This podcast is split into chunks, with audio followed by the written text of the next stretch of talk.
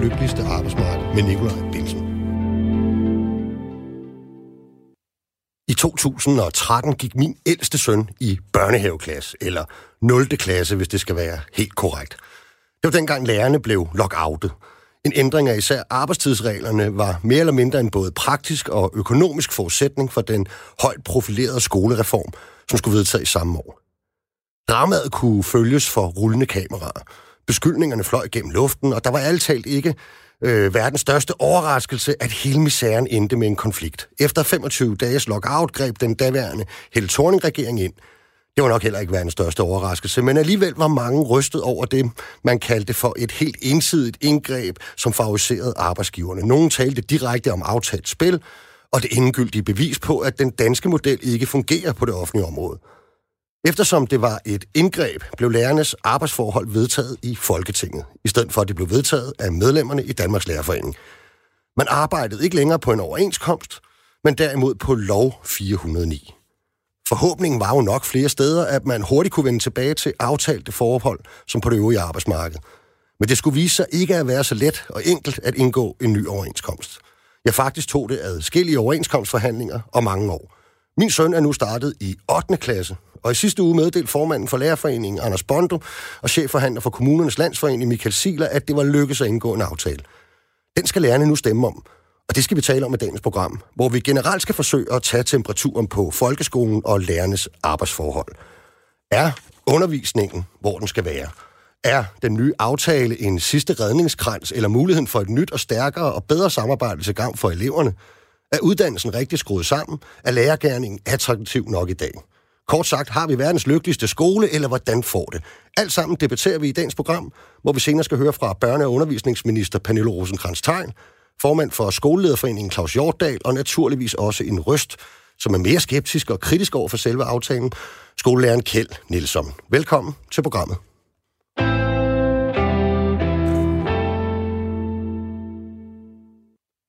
Allerede samme dag, som Anders Bondo Christensen meddelte, at han stopper som formand for Danmarks Lærerforening, annoncerede Gordon Ørskov Madsen, at han er kandidat til posten. Og det er jo så heldigt, at vi lige præcis har dig med i studiet. Kan du ikke lige præsentere dig selv, Gordon? Jo, jeg hedder Gordon, og jeg er lærer, og jeg er formand for vores overenskomstudvalg i Danmarks Lærerforening. Det har været i 10 år nu. Og jeg har været en del af de forhandlinger der om en ny arbejdstidsaftale, som har, som har fundet sted her hen over det seneste halve år. Okay. Så er jeg oceaner. Så er du oceaner? Og det er jeg stolt af. Ja, det kan man også godt høre. øh, det er godt. Hvorfor vil du være formand for Danmarks Lærerforening? Det vil jeg, fordi jeg synes, at vi med øh, den arbejdstidsaftale, vi har indgået nu, har fået skabt et fantastisk afsæt for at skabe skole og lave skole sammen og, øh, og, skabe, og, skabe skole på en ny måde. At vi får øh, øh, skabt udvikling af skolen nedenfra. Mm. At det er lærerne, der står i spidsen sammen med lederne øh, i prioriteringer og i vurderinger af, hvad der er god undervisning. Og så en politisk situation på Christiansborg og i kommunerne lige nu, der siger, nu skal vi altså lave skole sammen, vi skal skabe skolen sammen. Det nytter ikke noget, at vi, vi skaber skole i konflikt. Vi kan kun øh, gøre det i samarbejde. Okay. Vi har også en anden gæst med i studiet. Skolelærer Torben Flækner. Du kan også lige få lov at præsentere dig selv. Jo tak, jeg hedder Torben Flækner. Jeg er skolelærer på en specialskole, der hedder Øresundsskolen, øh, der ligger her i København. Mm. Ja, man kan høre på Torben, at han kommer ikke fra Aarhus. Der vil jeg sige, der er vi, hvor er vi henne der? Øh... Ja, altså, jeg jo, har jo boet mange år øh, på Vesterbro og i Sydhavn, men øh, for 12 år siden flyttede jeg til Ringsted. Til Ringsted? Ja, med min familie. Ja, ja, okay.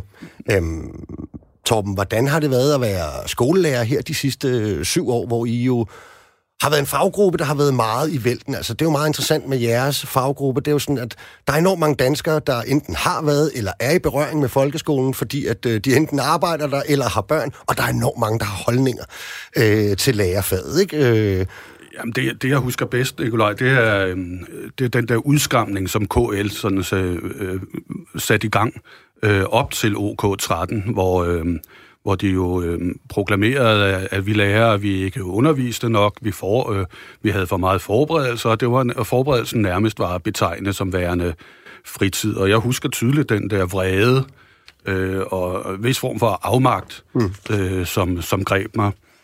Øh, og da de så øh, øh, lockoutede øh, os lærere, øh, så blev den vrede jo ikke mindre. Og i starten, efter 13, øh, var præget af øh, af kontrol og, og og, og, styring fra, fra ledelsens side, at, øh, at ledelsesbeslutninger nu skulle cementeres og mm. køres øh, hen over hovedet på os lærere. Det var sådan følelsen, ikke? Mm. Gradvist er, er det begyndt at bløde op efterhånden, som der er blevet lavet lokalaftaler i København, som øh, har gjort øh, øh, arbejdsforholdene øh, bedre.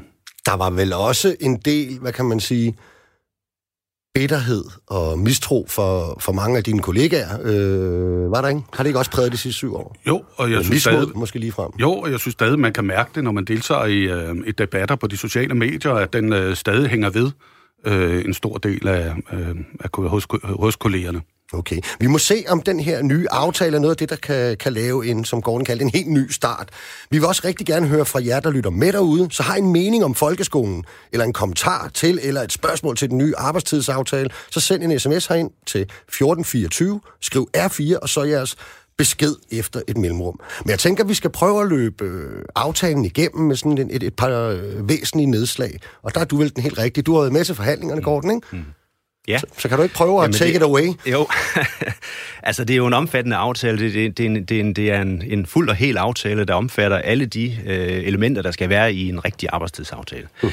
For det første, så fjerner vi lov 409 med det her. Den bliver udslettet fra jordens overflade. Mm. Og det er et kæmpe øh, spring og en, øh, en historisk begivenhed i mine øjne. Og så får vi en aftale, vi får aftalte rammer for lærernes arbejdstid, i stedet for noget, der er indført ved lov og det her med, at vi, øh, vi indfører en, en form for øh, forpligtende samarbejde, det har vi beskrevet både på centralt niveau, vi har beskrevet det på kommunalt niveau, og vi har beskrevet det på skoleniveau, også over for den enkelte lærer. Mm. Men, men det forpligtende består også i, at vi får indføjet rettigheder og forpligtelser, som vi kan støtte ret på. Altså, det kunne vi ikke i lov 409. Det var sådan nogle vage formuleringer, som øh, man skulle sætte sig ned og snakke om tingene. Det her er formuleret på en måde, og det vil jeg godt komme tilbage med, med eksempler på. Men, men det er altså formuleret på en måde, som vi kan støtte ret på. Vi kan bruge det arbejdsretlige system til at sikre, at det her bliver gennemført. Så det er mere overenskomstsprog end det lovgivningssprog? Er, det er overenskomstsprog langt mm. mere, end det lovgivningssprog, netop. Og så får vi indført nogle helt grundlæggende forpligtende principper. Mm. Læreren skal have overblik og indsigt i de opgaver, man skal løse.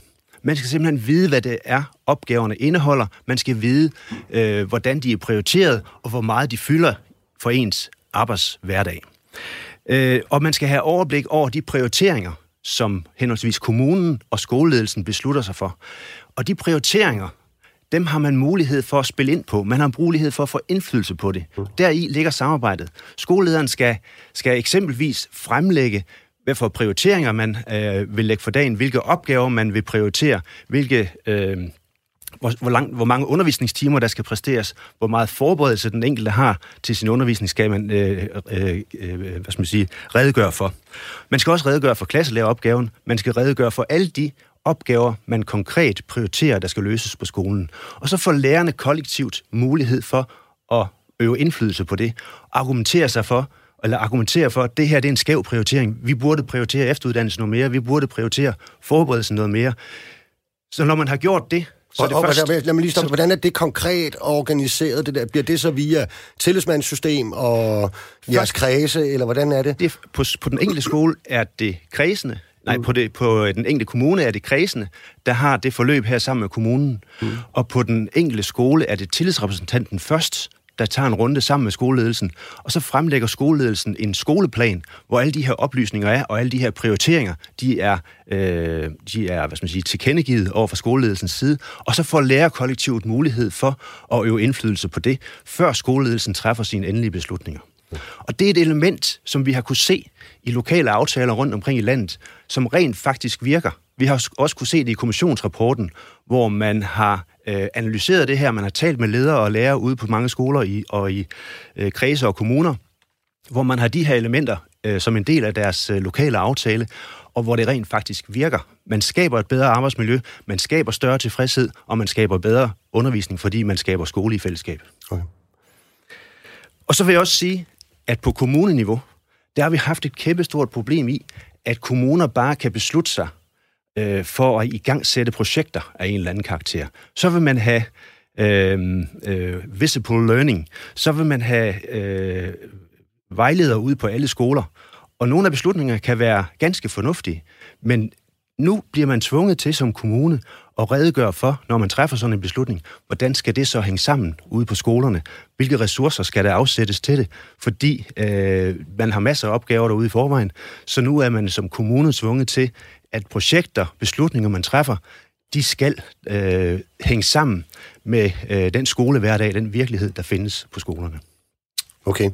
Øhm, Torben, jeg tænker på, at øh, blandt dig og dine kollegaer, ikke, så hvis, hvis, hvis der har været et, et helt specielt tema, som har øh, været det allermest afgørende de sidste mange år, hvor I har arbejdet under det her lov, så har det vel været hele det der spørgsmål om forberedelsestid, har det ikke? Det har været, øh, det har været afgørende, når man er lærer, så ønsker man at lave øh, god undervisning. Og for at lave god undervisning, så skal man have den fornødne tid til at forberede den. Og det har, øh, det har betydet rigtig meget, og derfor jeg kunne jo godt tænke mig at, at spørge Gordon om noget, hvis jeg må det. Det må du. Øh, hvordan sikrer den her aftale så, at der er tid til den forberedelse? Fordi hvis nu lederen siger, øh, jeg er sådan set øh, ligeglad med det der, ledelsesretten er jo uantastet, hvad kan man så gøre med den her aftale i hånden? Godt spørgsmål, Gordon, og det kan vi også spørge Claus Hjortdal, der kommer med senere i programmet om i øvrigt, men øh, lad os starte med dig. Det er sådan, at ifølge aftalen, så skal skoleledelsen redegøre for, hvor meget tid man afsætter til den enkelte lærers forberedelse. Og så skal der være dels en, et rimeligt forhold mellem de, eller der skal være rimelighed i, i opgavefordelingen, sådan at der er rimelighed mellem øh, de opgaver, man skal løse, og de, den tid, man har til rådighed. Så skal skoleledelsen i opgavesigten øh, øh, redegøre for, hvor meget forberedelse den enkelte lærer får. Og den forberedelse, den skal sikres i løbet af skoleåret. Mm. Og det er rigtigt nok, at man har ikke, vi har ikke ledelsesret, eller vi har ikke indflydelse på ledelsens rettighed til at bestemme, hvor meget der bliver afsat. Det er jo fuldstændig ret i, Tom. Og det var en beslutning, kongressen traf, fordi hvis vi ville gå efter en aftale, hvor vi sikrede ressourcer, ressourcer i form af maksimal, maksimal undervisningstimetal, eller puljer til forberedelse, eller en faktor mellem undervisning og forberedelse og den slags, så var vores bekymring, at så ville vi komme til at ligge på et så højt niveau, så ringe et niveau med de her maks undervisningstimetal og puljer til forberedelse, at det i virkeligheden ikke hjalp ret mange af lærerne. Så derfor har vi vurderet, og det var kongressens vurdering, at det her var den øh, mest fornuftige vej at gå i den sammenhæng. Men jeg vil godt understrege en gang til, lærerkollektivet skal i spil her. Mm. Og her skal vi give os selv som organisation til at bruge lærerkollektivet ind i den sammenhæng. Fordi hvis en skoleleder år efter år sidder overhørt, at man øh, fra lærernes side tilkendegiver kollektivt, der er alt, alt for lidt tid til den individuelle forberedelse, så vil jeg godt se den skoleleder, der gang på gang øh, som sige, sidder det overhørt, eller ikke tager hensyn til det, og ikke planlægger anderledes. Mm. Altså man kan jo selvfølgelig sige, at når, når, man, når man laver overenskomster, så vil vi jo altid hellere have, at der står, man skal aftale, frem for man kan aftale, eksempelvis. Ikke? Og vi vil vel egentlig også hellere have, når vi snakker sådan nogle rammer, som det her jo reelt er, så vil man egentlig hellere have, at, øh, at der for eksempel står nogle omregningsfaktorer eller øh, nogle konkrete tal, faktisk. ikke? Altså talbaseret. Øh, den og den type time bør kaste øh, så og så meget forberedelsestid. Altså, øh, nu er jeg jo ikke lærer, Torben, men øh, vil man ikke helst have det, hvis det var sådan? Øhm, som udgangspunkt jo, men øh, hvis styrkeforholdet er, og Danmarks Lærerforening er jo, øh, i hvert fald på min skole, det er også mit indtryk på mange andre skoler, en ret stærk fagforening.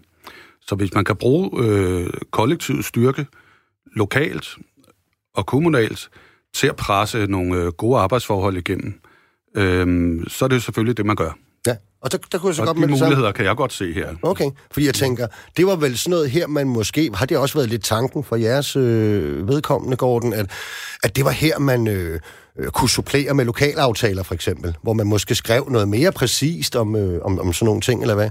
Jeg ville meget, meget gerne have øh, suppleret det, vi har aftalt med nogle, øh, med nogle meget, meget øh, øh, gode maksimale undervisningstimetal, nogle gode tal på øh, forholdet mellem undervisning og forberedelse. Det har bare ikke været muligt. Det har ikke været en mulighed. Derfor så har vi bestræbt os på at finde frem til noget nyt, noget anderledes, noget, der skaber overenskomstmæssige forpligtelser og bindinger på en anden måde. Og her synes jeg faktisk, at vi har fundet noget, som vi i øvrigt kan se fungerer i mange kredse og kommuner, og som vi kan se, øh, kommissionen har peget på som en, en, en, en, en rigtig god mulighed for at skabe en ny form for overenskomst. Og det skal vi sørge for at skabe værdi øh, på baggrund af. Vi skal sørge for, at det her får effekt på hver eneste skole ude i hver eneste kommune. Det er vores ambition. Okay. Nu skal jeg høre, jeg må desværre indrømme, at det lykkes mig, taget i betragtning af, at der jo egentlig er utrolig mange kvindelige folkeskolelærer. Dem havde jeg i hvert fald i min barndom. Ikke? Nu kender du nok tallet bedre, Gordon. Men det er altså lykkedes også at lave det, man i radiokredse kalder for et all-male panel, øh, ind i studiet i hvert fald. Og senere får vi jo altså også både en mandlig skolelærer og en mandlig øh, leder, øh, formand mm. for skolelederforeningen igennem. Så det er men, godt, ministeren er en kvinde. Det er nemlig godt, at ministeren, direktøren for det hele, er en kvinde. Ikke? Så jeg håber, jeg kan sige velkommen til Pernille rosenkrantz -Teil. Ja, tak for det. Ja, er det en glad øh, børne- og undervisningsminister, Pernille, som øh, modtog nyheden om, at det var Lykkes KL og DLF at lande en aftale, der nu skal stemmes om? Ja, det var simpelthen så øh, hårene rejser på armene af mig på den gode måde, øh, da jeg fik beskeden om det. Altså fordi det har jo været et å over folkeskolen. Og det var et meget uskyndt forløb dengang. Og jo ikke en del af den socialdemokratiske partihistorie. Man er allerstoltest af med hele det forløb. Og det vil sige, at det har været et år over folkeskolen, at man ikke har været øh, reguleret øh, per overenskomst. Altså, det er jo den danske model, og, og løsninger, der er forhandlet mellem arbejdsmarkedets parter, skal være fundamentet for, hvordan mm. øh, en hvilken som helst arbejdsplads i vores samfund fungerer, øh, hvis man spørger mig. Altså, så det var muligvis den glædeligste nyhed i syv år øh, for folkeskolen, at det her det lykkedes. Okay, men øh, så tænker jeg på, har der været andre glædelige nyheder øh, for folkeskolen de sidste syv år? Øh, hvis du sådan skulle tage temperaturen på, øh, nu har du lige overtaget området, kan man sige, men, men, men du har jo beskæftiget dig med det før og interesseret dig meget for det her øh, felt. Hvis du skulle tage temperaturen på, på, på folkeskolen, hvor den står nu, hvor øh, synes du så, den er henne? Jamen, jeg synes, at vi har nogle kæmpe udfordringer omkring øh, vores folkeskole. Altså for eksempel, at der er for mange drenge, der simpelthen keder sig i for stor en del af undervisningen. Mm. Og det vil sige, øh, og der er i øvrigt for mange ordblinde, der går igennem vores skolesystem stadigvæk, uden at have fået den hjælp, de skal. Øh, jeg synes, der er for lidt frihed til at vælge øh, fagrække, særligt når man kommer op i de større klasser, og alle mulige andre ting kunne jeg pege på, som nogle af de ting, vi skal have gjort noget ved. Så vil jeg under normale omstændigheder have sagt, at vi også har en udfordring i forhold til for eksempel bevægelse i skolen som vi ved gør, at skoledagen bliver bedre for, for, for store elevgrupper. Øh, men der må man bare sige, at corona overhalede os indenom, altså fordi at, at det jo simpelthen betød, at man har fået meget mere differentierede undervisningsformer, øh, fordi man har været tvunget til det. Det har jo sådan set været meget godt. Mm. Og når alt det er sagt, så synes jeg jo, at noget af det, der skal til i de kommende år for at løse nogle af de her problemer, øh, det er at få givet en ordentlig portion frihed tilbage øh, til skolerne øh, i forhold til det regime, kan man sige, der har kørt hen over de sidste 20 år, hvor at man primært har styret skolen med sådan nogle styringsredskaber, der ikke har været meningsfulde for lærerne. Mm. Altså elevplanerne som et af eksemplerne. Okay. Lærerne synes ikke, det er relevant. Forældrene læser dem ikke. Og det vil sige, det der egentlig var ideen med elevplanerne, jamen det må man bare sige, det er gået helt tabt i tårerne, og det er endt med bare at være et tosset styreredskab. Mm. Og på den måde kan man faktisk gennemgå store dele af folkeskolen og sige, jamen der er alt for mange af de ting, der er indført, hvor at, at sådan de effekter, man egentlig gerne vil have af det, de er aldrig kommet. Og det er måske, fordi grebene har været forkert. Okay. Det er jo super heldigt, at vi har to øh, skolelærer i studiet. Så jeg tænker lige, at jeg har lyst til at knytte en kommentar til, altså, hvordan lyder det mere frihed? Det er vel også noget, der kunne spille godt ind i forhold til, til, til aftalens elementer om styrket samarbejde? Jeg, jeg synes, det er um, fantastisk godt nyt, og det, jeg synes i øvrigt også, det hænger godt sammen med, øh, med aftalen, øh, især det, der står i starten om en styrkelse af lærerprofessionen.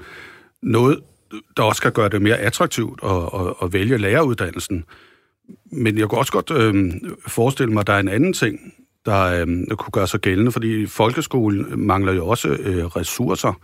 Øhm, hvis vi skal sikre god øh, forberedelse og flere øh, øh, faguddannede lærere på skolerne, er der også brug for, at vi får flere ressourcer. Hvad siger du til det, Pernille?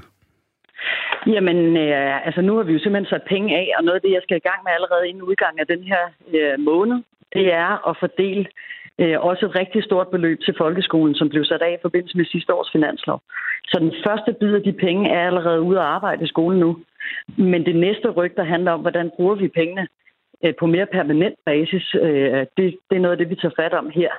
Altså, så man kan sige, den glædelige nyhed er, at dels så er vi begyndt at følge Altså, når der kommer flere børn, flere ældre, så får man faktisk også flere penge i kommunerne, så de ikke som udgangspunkt er så trængte, mm. at det går ud over øh, skoleområdet, for eksempel. Ikke? Og hernæst, så er der blevet sat øh, en ekstra pose penge af øh, for at styrke folkeskolen. Så jeg er helt enig i, at ressourcespørgsmålet, Øh, det skal tages alvorligt, og det skal det også, for eksempel omkring elevplaner. Jeg hørte en opgørelse, hvor man sagde, at den tid, man bruger, man bruger halvanden uges forberedelse på elevplaner. Altså den tid, der svarer til halvanden uges forberedelse på at lave elevplaner. Og når, når ingen melder ind og siger, at det der er det vigtigste redskab, der nogensinde er opfundet, så en af måderne at skaffe ressourcer på, det er jo efter min mening også at lytte, når lærerne siger, at her der har politikerne altså fundet et redskab, som ikke virker, og som man bruger noget tid på, man ellers kunne have brugt på noget andet. Det er jo også en måde at skabe ressourcer på. Derfor fjernet de der øh, styringsmekanismer, som har vist sig mest af alt bare genere øh, både personale og som forældrene i øvrigt ikke bruger til noget. Okay. Pernille, hvis man skal have verdens bedste folkeskole, så tænker jeg, at det er en meget god idé at starte med at have verdens bedste medarbejdere. Ikke? I har lige lukket en kommission. Jeg ved godt, det er faktisk over i Anne Halsbos område, ikke? men I har lige lukket en kommission, som ellers skulle have kigget på, på, på læreruddannelsen, og foreslår nu at gribe det lidt anderledes an med deres uddannelse, som jo gerne skulle gøre det mere attraktivt for folk at, at tage uddannelse som lærer. Hvad er tanken bag det? Jamen, tanken er jo simpelthen, at den, den altså, og det er jo en Halsbos område, så det skal hun jo gå dybere ind i, men grundlæggende så er tanken, at vi har ikke noget ønske om, altså den, den kommission er nedsat, inden vi fik regeringsmagten, og har det andet sigte, fordi i Socialdemokratiet mener vi ikke, at det er den rigtige vej frem at lave en større akademisering af vores læreruddannelse.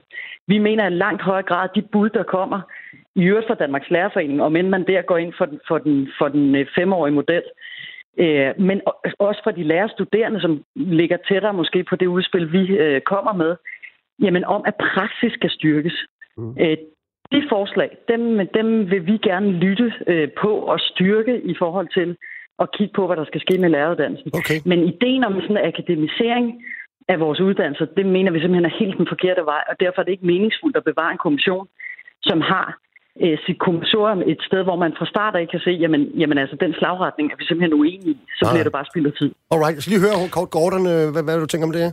Jamen altså, vi er slet ikke uenige i, at øh, der skal ske en, en, en større øh, tilnærmelse til praksis og mere praktik i læreruddannelsen. Men jeg vil godt pege på, at det er simpelthen nødvendigt, at lærernes fagdidaktik, at lærerne bliver øh, dygtigere til den didaktiske del. Hvad er det? Det, Jamen, det, det, er, det, er, det, er, kop, det er koblingen mellem stof, indhold i undervisningen, og så metoder til at undervise i, okay. øh, og hvordan man tilrettelægger undervisningen, så eleverne får mest muligt ud af det. Mm. Men, men det, der sker lige nu, det er, at der kommer koncepter ind over folkeskolen, og det har der gjort i mange år. Og hvis lærerne ude på de enkelte skoler sammen med lederne skal dæmme op for øh, hovsatiltag og nye fiduser, man bare skyller ind over skolen, så skal vi som fagprofession være øh, dygtigere til både den didaktiske, det indholdsmæssige i fagene, og til praktikken, mens vi tager vores læreruddannelse. Det er simpelthen en nødvendighed, og det er det, der er vores udspil i det her. Okay, Pernille? Jamen, og må jeg ikke sige til det? Jamen altså, fordi jeg er faktisk enig i sådan diagnostikken, kan man sige at det, der er brug for, det er, at fagdidaktikken bliver styrket, altså der, hvor lærerne præsenterer stoffet over for eleverne. Og det mener jeg hænger meget tæt sammen med en praktisk del. Der er vi enige, og så langt så godt, fordi det er ligesom kernen i det hele. Men den del, der handler om koncepter og hovsating, der bliver væltet ud over folkeskolen, der mener jeg jo, at vi skal hjælpe jer fra Christiansborg øh, og, og lave det, vi kalder en ikke-paragraf. Mm. Altså simpelthen sådan, at det ikke er muligt at pladre folkeskolen ind i øh, bestemmende mekanismer for præcis, hvordan og hvad man skal undervise i. Altså fordi hele de, alle de der mål, der blev sat op, hvor en del så blev gjort frivillige, jamen der er det jo sådan i dag, at selvom at de egentlig er blevet gjort frivillige, jamen så kan man så tillade sig som kommune at lægge dem oveni, så de alligevel bliver gjort obligatoriske for den enkelte lærer. Og det dur jo ikke. Og det vil sige, der tror jeg sådan set, at vi centralt fra skal tage stilling til det her, og så få lavet en paragraf, der hedder, der er nogle centralt fastsatte mål. Oven i dem kan man ikke lægge nye mål. Mm. Det har vi på daginstitutionsområdet. Øh, og vi var meget tæt på at have et flertal for det øh, forud for valget. Og det lykkedes så ikke. Og det skal jo, efter min bedste overbevisning, være en del af det, vi så leverer på, mens vi har regeringsmagten nu. Okay. Pernille, jeg ved, du har travlt. Øh, Gordon får lige lov til at sige farvel til dig. Og Pernille, det er vi fuldstændig med på, og vi vil rigtig gerne kaste os ud i og, og realisere det, som du har øh, peget på der.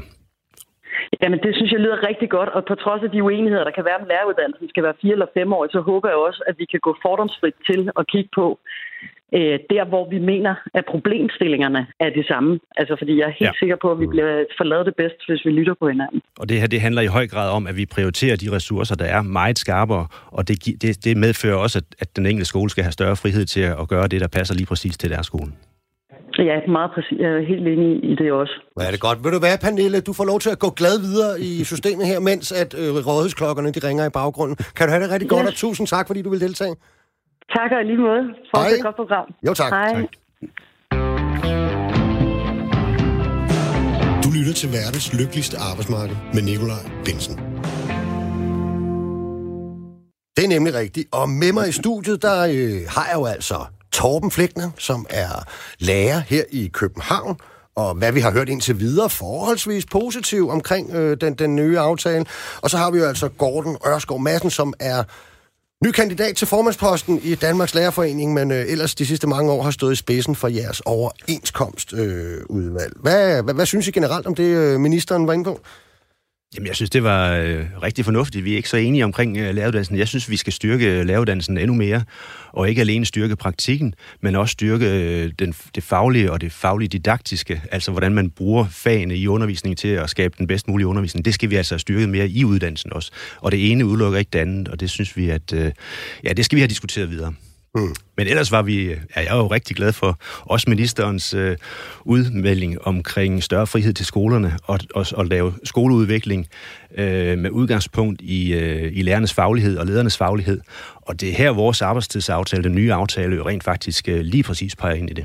Det gør den. Hvordan? Altså sådan... Jamen det gør den jo ved, at øh, de prioriteringer, som skoleledelsen skal lægge øh, forslag ud til lærerne om, den, de handler jo både om, hvordan man bruger lærernes arbejdstid, men dermed handler det jo også om, hvordan bruger vi, øh, hvordan, hvad vil vi prioritere på vores skole? For eksempel vil vi øh, prioritere klasselæreropgaven, vil vi prioritere øh, efteruddannelse, og det har jo noget at gøre med, hvad er vores muligheder for at udvikle skolen, og hvordan skaber vi den bedst mulige udvikling på vores skole? Sådan nogle diskussioner får man også ind i den sammenhæng. Okay. Husk, at I kan sms herind på 1424, skriv R4, og så jeres besked efter et mellemrum. Det kunne være et spørgsmål til gæsterne her i studiet, eller det kunne være jeres holdning til den nye arbejdstidsaftale, eller til folkeskolen som sådan. Det er jo ikke alle, der øh, er faldet fuldstændig bagover af begejstring over det resultat, I har øh, forhandlet hjem, Gordon. Øh, jeg skulle gerne have en sådan øh, mere skeptisk røst med over en øh, telefon. Øh, er det ikke rigtigt, Kjeld?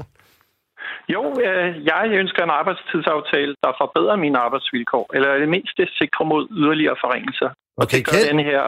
Ja, Ja. kan du høre mig? Ja, jeg vil bare gerne lige præsentere dig. Kan du ikke lige sige, øh, hvem du er og, og så videre? Jo, jeg er skolelærer i København, har været det i, i en overrække, og så er jeg også øh, tillidsvalgt i Københavns Lærerforenings bestyrelse. Okay. Så jeg er både aktiv øh, ude i klasselokalet og øh, med i at debattere fagpolitik. Yes.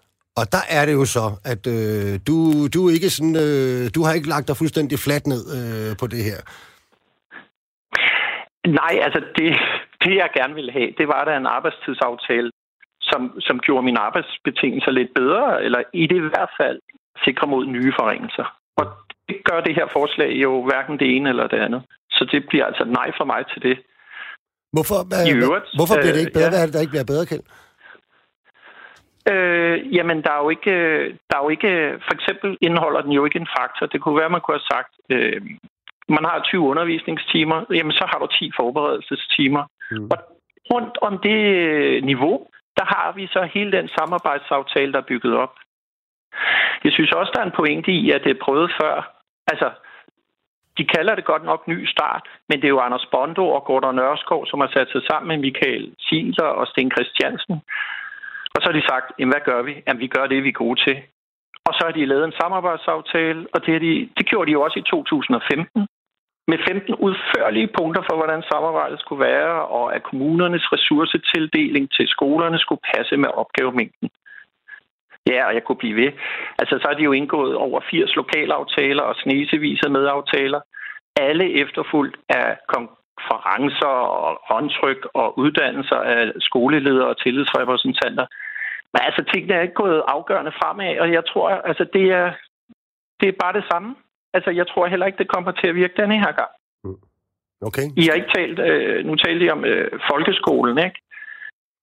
Er du klar over, at flere og flere forældre frem, fravælger folkeskolen, mens, mens de her, de her løsningsmode med at lave samarbejdsaftaler som det eneste, mens det har stået på, så er der blevet flere og flere forældre, der fravælger folkeskolen for deres børn. Kommunerne har ansat flere og flere læger, som ingen læreruddannelse har, på trods af, at det jo står i folkeskoleloven, at man skal være læreruddannet. Nu taler I lige om læreruddannelse før, ikke? Mm. Ja, og så kan man... Ja, man kan... Altså, Jamen lad os lige få Gordon ind øh, her. Du skal nok få lov ja. at komme tilbage, Kjeld. Øh. Men jeg synes, ja. der blev skudt med rigeligt, så lad os lige få øh, Gordon til at kommentere lidt på det. Ja, der blev skudt med spredehavl her. Øh, altså, vi ville jo gerne have, øh, Kjeld, vi ville jo gerne have lavet en, en aftale, som var en kombination af det, vi har vi kommet med, med, med nogle solide ressourcebindinger. Det har ikke været muligt. Øh, kongressen for, har, har, har, har lagt et mandat, som siger, at det er den her form for aftale, vi skal forsøge at gå efter. Det har vi gjort efter bedste evne, og jeg synes faktisk, vi har opfyldt kongressens øh, mandat fuldt ud. Øh, så, så, så på den måde, så har vi egentlig gjort det, øh, vi, var, vi er bedt om, øh, og som vi også er brændt for, vil jeg, vil jeg gerne sige. Ja, kan godt se, at det her det fungerer. Det fungerer nemlig i nogle lokale aftaler, det fungerer lokalt. Og så har vi ikke lavet noget, som, som vi er gode til i forvejen. Vi har haft et, ja, indtil for ganske nylig, et ganske elendigt samarbejde med, øh, med KL. Så det er epokegørende, at vi overhovedet er kommet i mål med en, med en arbejdstidsaftale. Øh, så, så på den måde, så, så, så ved vi egentlig, at det her det er noget, der, der rent faktisk, og det ved vi via lokale aftaler, det, det er noget, der rent faktisk virker. Det forbedrer vilkårene, rammerne for lærernes arbejde. Det skaber større arbejdstilfredshed. Det skaber bedre arbejdsmiljø. Det kan vi dokumentere de steder, hvor man har, man har prøvet det af. Mm. Torben, øh, det, det er jo rigtigt nok, altså, som, som, som, som Kjell er inde på, at hvis man, hvis man nu som skolelærer derude drømte sig tilbage til tiden før 2013, altså hvis man sammenlignede øh, med det, så er der jo ikke mange forbedringer i det her, vel? Nej, nu læste jeg øh, øh, et portræt af Anders Bondo i øh, Politiken, og han sagde jo også, at den bedste aftale, han nogensinde havde forhandlet, det var den, han forhandlede i 2008. Øh, så det her, det er ikke et fremskridt øh, i forhold, hvis man ser med 2013-briller. Men hvis man ser i forhold til, hvordan situationen på skolerne ser ud nu, så synes jeg godt, man kan betegne det som et, øh, et fremskridt. Jeg læste også i information, at øh, Bjørn Hansen, der har øh, skrevet bogen Deltagereffekten, og derfor ved noget om, hvordan man laver forpligtende fællesskaber. Han siger, at det her, det er en måde, hvor man laver forpligtende fællesskaber ude, og handlekraftige fællesskaber ude på de lokale skoler. Hvad siger du til det, Kjell? Nå, men jeg siger, altså, det virker, så længe det virker. Og så kan man se i Esbjerg optaget i lokalaftalen. Og nu taler jeg meget gamle dage i 2013 og før det. Altså, jeg går på en skole i København, hvor forholdene er sådan, så at 64 procent af lærerne, de er ude af klappen igen, inden der er gået fem år. De nye lærer kan ikke holde til det. Og mange af mine ældre kollegaer, de er gået tidligt på efterløn eller skiftet arbejdsmiljø. Jeg taler om at en overenskomst. Altså for eksempel, når man skal have fortalt løn, så laver man jo en aftale om, at man får en lille lønstigning, eller i det mindste ikke får mindre løn i løbet af de tre år, der skal komme. Og jeg taler altså med mine arbejdsvilkår derude nu, og mange andres rundt omkring i landet er sådan, at vi kan ikke uh, klare yderligere forringelser. Altså, der er jo en grund til, at folk ikke holder fem år på arbejdsmarkedet. Men der er vel ikke kaldt forringelser decideret i den her aftale i forhold til, hvad du arbejdede øh, under øh, i går, vel? Øh, nej, men der er jo heller ingen sikringer om, at der ikke kommer mm. forringelser næste år. Nej. Altså i København har vi en af de her lokalaftaler, som kan siges op af kommunen entydigt som den for eksempel blev gjort i Esbjerg. Der har vi lige nu en faktor på, på forberedelse, som jeg talte om. Ikke? Mm. Vi mangler så nogle ting rundt om, som, som denne her nye forslag til samarbejdsaftale kunne supplere med. Men, men det er jo ingen garanti. Altså, vores, øh, vores faktor kan blive opsagt, øh, når mm. aftalen løber ud. Det er vel en svaghed, så, Og så er det ringere vilkår. Mm. Men hvad, hvad, har vi, hvad har vi gavn af en, af en, en faktor, der er, er alt for lav? Hvad har vi gavn af et undervisningsmaksimum, der er alt for højt? Altså, det, det er jo sådan nogle spørgsmål, vi også er nødt til at stille os, Kjeld. Og så vil jeg sige, i den her aftale, der er der for eksempel en bestemmelse om, at hvis kommunen beslutter sig for, et nyt projekt, hvis kommunen presser skruen, som, det, som, som du også beskriver det, og, det, og jeg er fuldstændig enig i din, i din, øh, i din vurdering og din, øh, og din analysekæld. Men, men hvis, hvis kommunen træffer beslutninger om, at nu skal der ske mere, der skal yderligere arbejde lægges ud på skolerne, mm. så er de også forpligtet til at redegøre for, hvordan skal det så kunne lade sig gøre, og hvor skal man få ressourcerne fra. Mm. Det synes jeg, der er et håndtag, vi kan bruge. Og så kombineret med, at vi faktisk er en stærk fagforening, og vi skal op, øh, uddanne vores tillidsrepræsentanter noget, noget, noget mere. Det er en del af det her. Vi øh, står på mål for det her i, mellem øh, parterne i fællesskab, og at vi har et kollektiv, et fællesskab øh, ude på den enkelte skole, ude i kredsene, hvor, de her, hvor den her aftale er nogle meget, meget tydelige håndtag til at skaffe nogle forbedringer, og, og så øh, fastholde, at det ikke er den enkelte lærer, der skal finde øh, pro, øh, løsninger på de problemer, man står i. Det er kollektivet, der skal gå til ledelsen og sige, vi har et problem her, det må der altså skaffes nogle løsninger på, vi kan ikke leve med det her. Mm-hmm. Kjeld, der er en ting, jeg godt kunne tænke mig at spørge dig om, det er, at øh, altså, jeg går ud, har du tænkt dig at stemme nej til aftalen? Ja, helt klart. Det har du. Og så, så er det, jeg tænker på jo, fordi at, øhm, det kan man jo godt gøre. Jeg vil jo men, også, ja, ja, jeg vil jo også stemme nej til en aftale, som ikke sikrede mig, at jeg gik ned i løn de næste tre år. Altså, altså mm. det synes jeg er helt parallelt. Ja. Men det, det, jeg bare tænker på, Kjeld, det er, at Øh, altså, hvad er så, øh, hvad kan man sige, fallback-strategien? Hvad er alternativet til, til et ja til den her aftale? Er det så, du tænker, at I ville kunne lave en bedre aftale ved at forhandle det over i øh, de overenskomstforhandlinger, som starter i 21, eller hvad? Samlet set? Øh, ja, helt klart. Altså, okay. Jeg tænker, lad os stemme nej til den her aftale, så den ikke står alene. Så kan vi sige til forhandlingsfællesskabet, det store fællesskab, sige, kan I ikke lige forhandle for eksempel en faktor ind på, altså sige, du underviser 20 undervisningstimer om ugen, så får du 10 timer til forberedelse. Supplerer med denne her samarbejdsaftale. Det er jo ikke, fordi jeg er imod samarbejde. Jeg, jeg har jo som sagt været lærer mange år og været med hele vejen, helt fra 15, hvor det var præcis det samme med, at kommunen skulle øh, give de penge, der skulle bruges til opgaverne, stod der i aftalen, vi lavede med kommunernes landsforening, og der skulle forhandles Altså, vi har jo prøvet det før, og det, det er bare det, jeg siger. Jamen, de er gode til at lave de her samarbejdsaftaler, og når samarbejdet fungerer, så virker det, men det sikrer ikke mod, at lederen okay. efter et godt samarbejde siger, og Kjeld, nu skal du så undervise en time mere næste år. Og det er for eksempel det, der lige er sket i København. Okay, Kjeld, bliv lige hængende på telefonen, fordi at, øh, nu skal vi lige have et, øh, et lederperspektiv øh, ind over det her. Det har vi jo snakket øh, en del om. Øh, Claus Hjortdal, du er med på en telefon, ikke? Ja, det er jeg. Okay, velkommen til programmet. Du er formand for Skolelederforeningen. Okay. Øhm, varsler det nye og bedre tider for folkeskolen, at der nu er landet en forhandlet arbejdstidsaftale for lærerne? Der er den helt, helt store forskel, at nu er der en aftale, man kan behandle ud fra, og har den som bagtæppe fremover. Øh, før var det en lov, der, der gjorde det, og det, det, kan, det kan man ikke bruge i, i, i, i en organisationsverden. Der har vi brug for overenskomster. Så det, at vi har fået lukket hele diskussionen med en overenskomst, så kan vi diskutere indholdet og værdien af den. Men det, at den er blevet lukket med en overenskomst, parterne er kommet overens, det er sindssygt vigtigt. Mm. Og så bliver det interessant, om den kan komme ud og, og flyve, som, som ønske er fra begge sider. Mm. Kan man sige, har, har det præget samarbejdet i, og for den sags skyld også udviklingen af, af folkeskolen, at man har arbejdet på en, en, en lovgivning, der blev til efter lockout og regeringsindgreb og alle de her ting?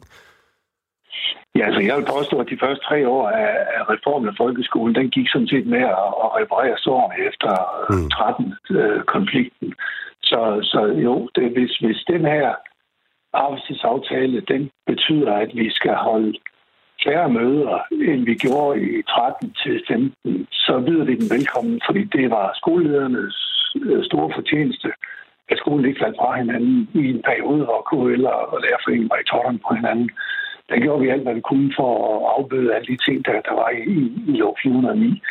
Så, øh, så det, at der kommer en overenskomst, så parterne kan snakke sammen, det er sindssygt vigtigt set fra vores synspunkt. Okay. Øhm, jeg tænker, altså, vi, vi, man kan vel godt sige, at der er sådan et stærkt samarbejdsspor i, i den her aftale. Gordon har været inde på det, øh, også herinde, ikke? Øhm, hvor skolens ledelse forpligtes til at øh, inddrage lærerkredsen, tillidsrepræsentanten i et samarbejde om, hvordan man ligesom bedst understøtter lærerne i bedst muligt at løse deres opgaver. Øhm, kan du ikke lige prøve, Claus, at, for, at forklare os konkret, hvordan det vil tage sig ud, det samarbejde, altså, som også skulle, gerne skulle blive en forbedring ude på den enkelte skole? Og det er forholdsvis nemt, fordi øh, lærerkommissionen med PRB i spidsen var jo rundt og kiggede på en masse skoler, og de kom tilbage og sagde, det er jo faktisk sådan her, rigtig mange gode skoler, de, de, de bliver drevet, der hvor samarbejdet fungerer rigtig godt, der bliver det drevet på den her måde, som bliver, som bliver præsenteret i samarbejdsspor, som nu er kommet ind som det er overenskomsten. Det betyder jo, at man, man øh, inddrager sin tillidsrepræsentant, man inddrager sit personale i de ting, der skal komme det foregå, altså det, det, det fremtidige år. Man, man har dialogerne, man, man sidder og snakker sammen om, hvor vil vi hen med skolen. Og det kan da godt være, at skolelederen siger, for mig at se, så vil det være allerbedst, at gøre gør sådan og sådan og sådan. Hvis lærerne så kommer og siger, ved du hvad, hvis, vi, hvis, vi, hvis ikke vi har flere timer, så vil vi hellere bruge dem sådan og sådan. Så vil det være dumt ikke at lytte til lærerne og sige, jamen hvis det er den vej, jeg mener, så lyder det da meget fornuftigt. Altså, det kan være en, en balance mellem vikartimer, holdtimer, øh, forberedelsestid, sådan nogle ting. Altså, hvor, hvor lærerne faktisk mange gange kan sige, jamen, hvis, hvis det er det niveau, vi er på, jamen, så vil vi helst have det sådan. Mm. Og der er, det der, der er det fair nok at sige, jamen lad os lytte til det. Altså, det, det giver da helt klart øh, noget medindflydelse og noget medbeslutning, og så har man også ansvar for det lykkes. Okay. Torben, du har markeret? Jamen, jeg kan godt genkende, øh, hvad kan man sige, de, de tidsperspektiver. Ikke? De første to år efter 13 øh, øh, gik, var ikke behagelige på nogen øh, områder. Øh, og det så er begyndt at jævne sig ud, men er, er lederne rundt omkring på skolerne klar til det samarbejde? Ja, jeg kunne stille modspørgsmålet. Er TR, er kreds, er forvaltningen klar til det her samarbejde? Fordi det er jo det, der viser sig. Når jeg snakker med nogle kredsformand rundt omkring, så siger jeg, jeg vil gætte på 80-85, måske op mod 90 procent af skolerne og forvaltningerne er klar til det her. De sidste 20, 15, 10 procent, hvor mange det nu kan være, det kan være en eller flere af parterne, fordi der er sådan set øh, på, på skoleniveau, skoleleder og TR på forvaltningsniveau, krigsniveau, så er der to personer der også. Så endelig så er der en række politikere i kommunerne, som også nogle gange går ind og blander sig. Så der er fem parter omkring det her, hvis det skal lykkes. Øh, for at svare direkte på de spørgsmål, så må vi sige, siden 2013, der har vi skiftet øh, 30-40 procent af lederne på Danmarks skoler. Så der sidder altså også nogle forholdsvis unge skoleledere, som nok også skal have noget hjælp til at komme i gang igennem med det her, og, og få råstyrken nok til at tage beslutningerne, fordi der skal også træffes nogle beslutninger. Det er ikke. Det er ikke nok bare at diskutere. Man skal også ture og sige, så er det sådan her, vi går. Mm. Gordon? Altså, vi kan jo sige, at der, der, der er også rigtig mange lærere, der er skiftet ud siden 2013. Der er også rigtig mange tillidsrepræsentanter, der er nye. Det her, det kræver en kæmpe stor indsats af os alle sammen. Det kræver, at vi øh, sætter fælles retning på det her, og det kræver, at vi vil det i fællesskab.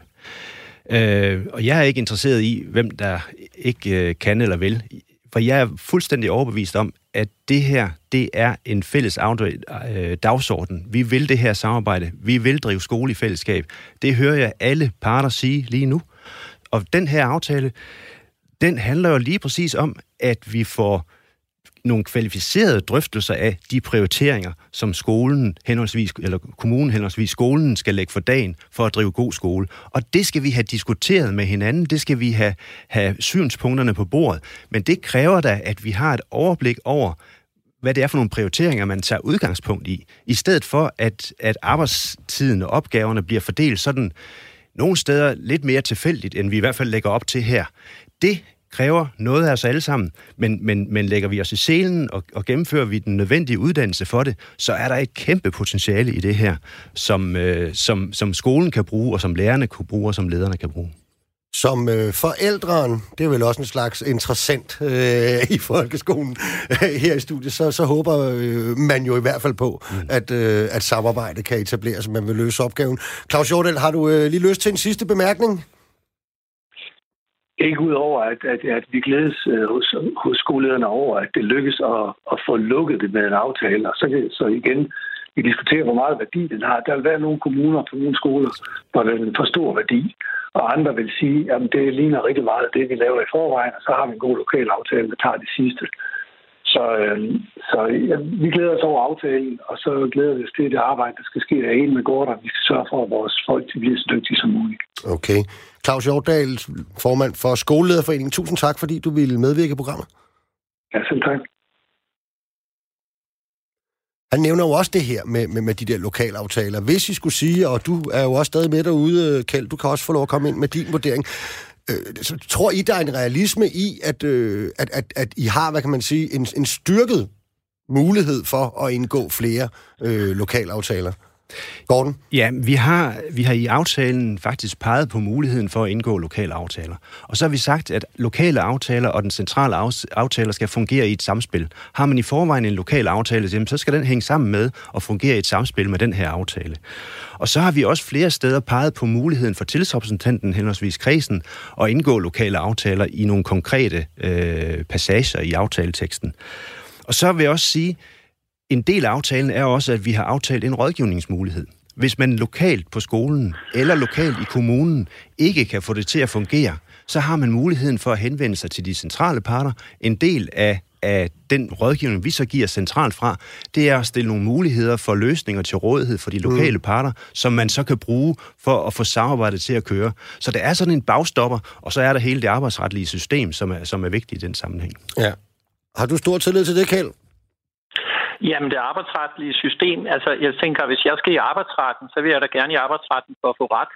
Altså med det her aftaleforslag, så kan jeg komme i arbejdsretten og få at vide, når øh, skolelederen eller kommunen har lyttet til kredsen og øh, tillidsrepræsentanten efter procedurerne, så de må gerne skære ned og gøre mine arbejdsvilkår dårligere. Altså, det er jo en lidt kedelig måde. Altså, det er jo sådan en samtaleterapi. Altså, arbejdsretten skulle gerne være sådan, så den sagde, hvor du hvad, Kjeld, du har 20 undervisningstimer og 10 forberedelsestimer, og det skal mm. lederen ikke tage fra dig, eller kommunen tage fra dig mm. i de næste tre år. Ja, og det, det men, kan... men det er ikke sådan, det sker. Og jeg, jeg, mit spørgsmål er også bare, hvad med de lærere, som er derude, og som kommer ind i skolen og holder op igen? Fordi arbejdsforholdene er alt for hårde i øjeblikket. De får jo ingen sikring mod, at vilkårene bliver dårligere. De får ikke engang et løfte om, at det bliver bedre. Det er jo det, man normalt gør ved en overenskomst. Man siger, nu aftaler vi det her, og så knokler vi røven ud af bukserne i tre år fremad. Gordon? Men, men Kjell, jeg er helt uenig i det der, fordi når vi for eksempel i aftalen skriver, ledelsen udarbejder på baggrund af drøftelsen, som man skal have med tillidsrepræsentanten, et forslag til en skoleplan, som indeholder ledelsens prioriteringer, grundlaget for prioriteringerne, overordnede beskrivelser af de prioriterede indsatser og opgavers indhold, Klasselæreropgaven skal man også beskrive. Hvad der forstås ved individuel forberedelse, det skal man beskrive. Samt antal lærere på skolen. Det er en bestemmelse, som vi kan gå i arbejdsretten med, hvis ikke den overholdes. Man skal udarbejde sådan en skoleplan, og man skal stille den til rådighed skriftligt for lærerne, og man skal sørge for, at der bliver holdt et skolemøde, hvor lærerne kan øh, få indflydelse på det og komme med forslag til, at det skal se anderledes ud, inden man træffer sin endelige beslutning. Sådan er aftalen skruet sammen, og det var det, kongressen bad os om. Men kan man ikke sige, fordi altså Kjeld har vel en pointe i, at øh, normalt så vil en overenskomst jo indeholde Øh, øh, eksempelvis et tal. Hvis du overskrider dette tal, så har du overskrevet øh, overenskomsten, eller hvis du ikke opfylder dette tal, så har du ikke opfyldt øh, ånden i overenskomsten. Og, og jeg, jeg forstår godt det der samarbejdsspor. Jeg synes også, der er noget interessant i det, men jeg må da også sige, og der kan du måske også byde ind, Torben, du har også været tillidsrepræsentant nogle år, ved jeg, at, øh, at det, det minder jo mere om, Gordon, nogle af de, øh, hvad kan man sige, paragrafer og hensigtserklæringer, vi arbejder med i vores øh, SU-systemer, ikke? og samarbejdsaftaler og så videre. Ikke? Og der er svagheden jo nogle gange bare, at man kommer lidt for sent. Forstået på den måde, at det kan jo godt være, at du får ret. Jeg har for eksempel været med til at føre en sag i samarbejdsnævnet, som vi fik medhold i. Det var så bare halvandet år efter, at, øh, at den masseafskedelse, den skete. Ikke? Altså, der fik vi medhold i ikke at have været øh, ordentligt inddraget. Er der ikke lidt en, en far for i kanen i sådan nogle situationer? Jo, ja. selvfølgelig er der en far. Men jeg vil bare sige, hvad, hvad har vi ud af? Og det har vi været åbne af om hele vejen. Og det her, det er kongressens mandat, vi har opfyldt. Mm vi, hvad har vi ud af et, et alt for højt maksimum undervisningstimetal? Så kan vi øh, sende det ud til skolerne, til kommunerne, og de ikke bruge det til noget. Hvad har vi ud af, at vi får bestemmelser om, at, at undervisningen skal, eller forberedelsen skal have et vist niveau øh, med et tal i, i en aftale, som ikke hjælper lærerne? Det her hjælper der lærerne langt, langt mere end en, en, en aftale, der, der ikke er, er stærk nok. Okay, Tom? Ja, altså det er jeg øh, enig, og det man kan bruge øh, ude på lærerværelset, det er den styrke, at vi har en høj organisationsprocent. Det, der skal forbedres, det er uddannelsen af, af tillidsrepræsentanterne og rammerne for at udfolde det. For det er den skoleleder, der står over for et lærerværelse, der er organiseret i Danmarks Lærerforening, øh, vil være øh, man kan sige, have et godt incitament til at lytte til lærerne, det vil jeg sige. Det vil kræve en øh, øget politisering også af, af, af lærerne ude på, på lærerværelserne, og den skal vi selvfølgelig være klar til at tage på os, og det vil jeg jo gerne have, at uh, Danmarks Lærerforening uh, siger, at der mm. ligger sådan en plan for det. Ja. Vi, er, allerede, vi er allerede i gang med sådan en plan. Ja, ja, ja. Lad os lige få Kjeld ind her, ja. Men skal det forstås sådan, Gordon, at du her på live uh, radio uh, lover alle medlemmer af Danmarks Lærerforening, at deres arbejdsbetingelser ikke bliver forringet uh, de næste tre år, hvis det bliver tre år, vi taler om? Altså, Ja, et er, at vi skal, øh, der skal fremlægges en procedure, men noget andet er, hvis fremlæggelsen munder ud i, at vi skal undervise en time mere, eller løse nogle flere opgaver. Men jeg Der er jo en kæmpe stor forskel. Altså, hvad med de lærere, som ikke holder fem år? Jamen Kjeld, den indflydelse, vi får igennem den her aftale, den øh, skal vi selv forstå og gribe. Det, det kræver uddannelse af vores tillidsrepræsentanter, og det, og det kræver sammenhold og fællesskab, og at vi bruger det kollektiv. Det må vi som organisation stille os i spidsen for at realisere. Men naturligvis kan jeg ikke love, at ingen lærer forringes i deres arbejdssituation de næste tre år. Det ved du jo også godt. Men, men, men jeg vil love dig, at det her, det er en øh, rigtig god mulighed for at skabe de forbedringer, vi kan se faktisk har slået igennem de steder, hvor man har prøvet det af. Mm. Bare kom ind igen, Kjeld. Ja. Jo, jo, altså, jeg ved, så siger Gordon, at jeg også godt ved det. Altså, jeg forstår ikke, øh, jeg forstår ikke argumentet. Altså, når man laver en lønaftale, så er det jo for, at vi ikke skal gå ned i løn. Når man laver en arbejdstidsaftale, så er det jo for at holde et niveau. Jeg forstår ikke, hvorfor vi ikke kan lave en aftale. Det er da bare at gå i gang. Og så siger Gordon, at kongressen ville det. Jamen, Gordon har selv bedt kongressen om at, at mene det, den mener. Og så kunne man være uenig, selvfølgelig kunne man det, men folk lytter jo også til vores øh, forretningsudvalgsmedlemmer, og nu måske kommende formand, hvad ved jeg. Jeg synes bare ikke, at det her er en aftale. Vi kan jo ikke gå i arbejdsretten og så sige, at vi, vi skal ikke undervise mere. Jo, vi skal undervise mere, hvis proceduren er overholdt. Jeg skal lige spørge Kjeld, øh, Altså, og Gordon og jeg har også, altså løn, det er jo noget, vi forhandler øh, OK21 sammen med de andre organisationer, er det ikke rigtigt? Det, det, er, det er fuldstændig rigtigt. Ja. Vi forhandler ikke løn ved den her arbejdstidsaftale. Nej, bare for at få det på rene. Og, og så vil jeg også sige, at det her, det er noget helt andet end en lønaftale. Øh, og kongressen havde to forslag. Der var hovedstyrelsens forslag, og det er rigtigt, det var det, der blev vedtaget med, med meget, meget, meget stor majoritet. Men der var også et et alternativt forslag, som var øh, noget i retning af det, du beskriver, Kjeld. Det havde bare ikke opbakning generelt i kongressen. Og så øh, er øh, den politiske spilleregel sådan, at så kører vi med det flertal, vil. Mm. Kjeld, er der blevet sagt noget her i løbet af den sidste times tid, som har fået dig på andre tanker, øh, og eventuelt vil overveje at stemme ja? Øh, nej, jeg håber så bare, at hvis det mod forventning så skulle blive et ja, altså at... Øh, Ja, altså at samtalen denne her gang kan lykkes. Det lykkedes ikke i 15, så lad os håbe, det lykkes lidt denne her gang. Og det, men jeg synes bare, at det er en meget forkert retning at indgå en, arbejdstidsaftale uden nogen holdepunkter og uden nogen sikringer. Det mm. synes jeg er en meget, meget forkert skridt. Okay, vil du være Kjeld Nielsen, tusind tak, fordi du ville medvirke her i øh, programmet. Så fik vi også lige dækket de mere skeptiske sider, og der er du måske lidt af natur øh, af, af hele den her ah, læreraftale. Nikolaj, Nikolaj, Nikolaj, må jeg ikke lige, må jeg lige her? Jo, kom. Altså, skal vi ikke debattere ud fra, hvad der sker? Er, er jeg skeptisk, fordi jeg for eksempel tænker på de læger, som holder op 64 procent, som ikke har fem års erfaring i København, fordi de holder op. Altså, jeg ser jo på, jeg ser på, hvad der sker, når man går ind ad døren ude i skolelokalet. Jeg er glad og ønsker at gøre det så godt som muligt. Det er der ikke noget med at være skeptisk. Det synes jeg lyder jeg, godt i hvert fald. Jeg er med det her for at få det til at blive så godt som muligt overhovedet. Må, må jeg ikke sige, uh, Kjeld... Du slutter vel heller ikke af med at kalde uh, Gordon for en kyniker, eller Claus Hjortdal for en kyniker, vel? Altså, jeg synes ikke, det er rimeligt, det der. Nå, må, så må du undskylde, Kjeld. Det var nu egentlig bare en, øh, en lille sjov bemærkning. Kjeld, må jeg ikke ja. sige, min opfattelse er i hvert fald den, at selvom vi har haft to forskellige udgangspunkter og ville noget forskelligt med den her arbejdstidsaftale, så er jeg helt sikker på, at det vi vil med skolen og det vi vil med lærerne, sammen med lærerne, det er det samme. Ja, vi vil, vi vil have det et, et godt fremskridt, og det er, vi vil det samme, men det, det, du foreslår, kommer vi ikke i sikkerhed med, så derfor siger jeg nej. Jamen, vi må se. Jeg er sikker på, at debatten ja. vil fortsætte rundt omkring ja, i, øh, ja. i lærerkredsene. Ja. Tak, fordi du medvirker, Kjeld. Jamen, tak, fordi jeg måtte være med. Det er så godt. Ja, tak. Hej. Og lige her til aller, aller, aller sidst, øh, hvad er det konkret, øh, Danmarks Lærerforening vil gøre for, at nu snakker vi om det her med, at tillidsrepræsentanterne skal styrkes? Hvis det her overhovedet skal blive en succes. Det er jo i hvert fald rigtigt jo. Der er to trin i det. Det ene det er, at vi sammen med den anden part, arbejdsgiverparten, øh, vil sørge for at få, ska- få, få lavet en, en fælles implementering af den her aftale, en fælles realisering af aftalen. Derefter, så skal vi have uddannet tillidsrepræsentanter. Det skal vi have lavet et, en plan for, et program for, sådan at alle vores tillidsfolk øh, bliver hjulpet bedst muligt med at realisere den her aftale. Alright. Ser du frem til det, Torben? Det gør jeg, og jeg synes også, det ligger lidt i tråd, men nu er vi jo kommet ind i det store øh, fagbevægelsens hovedorganisation, som jo øh, med det gamle LO-system øh, er meget mere lokalt forankret, øh, og det spiller jo lige ind i det. Præcis. Tusind tak, fordi I begge to ville medvirke i programmet. Det var, hvad vi havde valgt at bringe. Jeg håber, at I udfandt det spændende. Måske ligesom mig blev en lille smule klogere på folkeskolen og lærernes arbejdstidsaftale. Vi lyttes ved igen næste mandag her på Radio 4. Der går stærke rygter om, at regeringen til den tid har fremlagt deres konkrete udspil til tidligere tilbagetrækning. Det snakker vi formentlig om. Verdens lykkeligste arbejdsmarked er produceret af Rakkerpark Productions, producer Julie Lindert Højmark.